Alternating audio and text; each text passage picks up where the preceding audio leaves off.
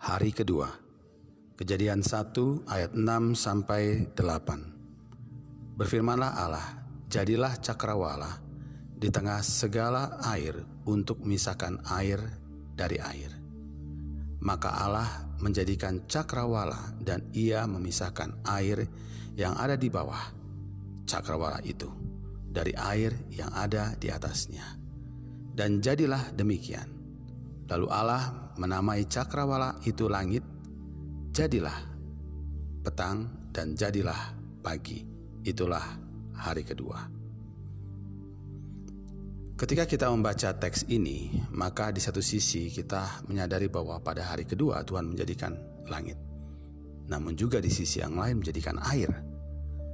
Tentu kita tidak bisa mendeskripsikan lebih jauh tentang hal ini karena ayat ini tidak sedang mendefinisikan sifat dari cakrawala, tetapi menegaskan kuasa Tuhan atas cakrawala. Pemisahan langit dan bumi adalah tema yang lazim dalam kosmologi kuno. Tetapi kendali atas air tampaknya sesuatu yang khas dari kejadian satu yang berimplikasi bahwa langit itu sendiri diciptakan oleh Tuhan. Itu bukan aspek dari Tuhan. Pelajaran penting bagi kita saat ini adalah untuk menyingkirkan segala bentuk pemahaman ataupun pengalaman yang membuat kita mengukur apa yang terjadi dengan tanda ataupun sudut pandang yang membuat kita mengkaitkan hubungan antara alam atau langit sebagai bagian dari Tuhan.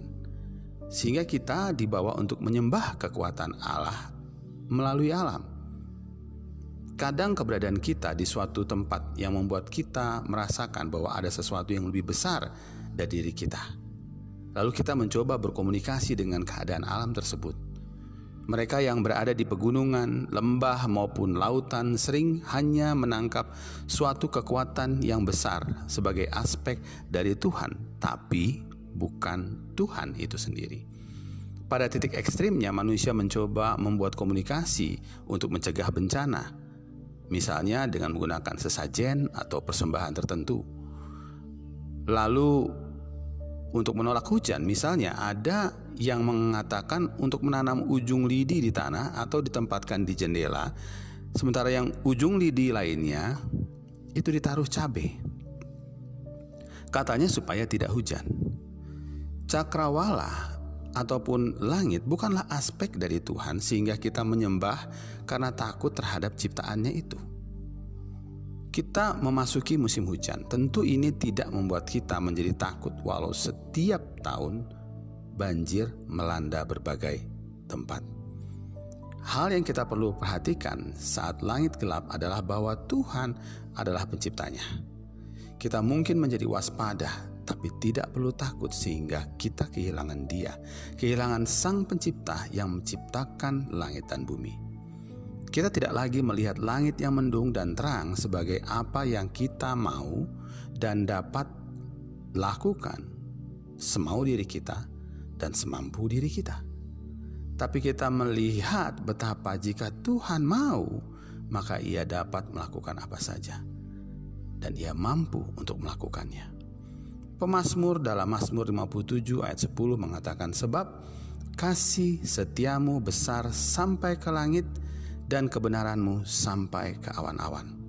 Pandanglah langit dan ingatlah ia yang menjadikannya dan yang sedang melakukan banyak hal di luar kemampuan kita dan ia mampu melakukannya. Libatkanlah dia. Mari kita berdoa. Tuhan dengan segala yang kami bisa pikirkan, rencanakan dan mau lakukan hari ini. Maka ajar kami mengagumi ciptaanmu, yaitu langit. Langit yang memberi kami tanda bahwa engkau ada dan hadir untuk mengadakan hari ini agar kami terus melibatkanmu dalam segala sesuatunya.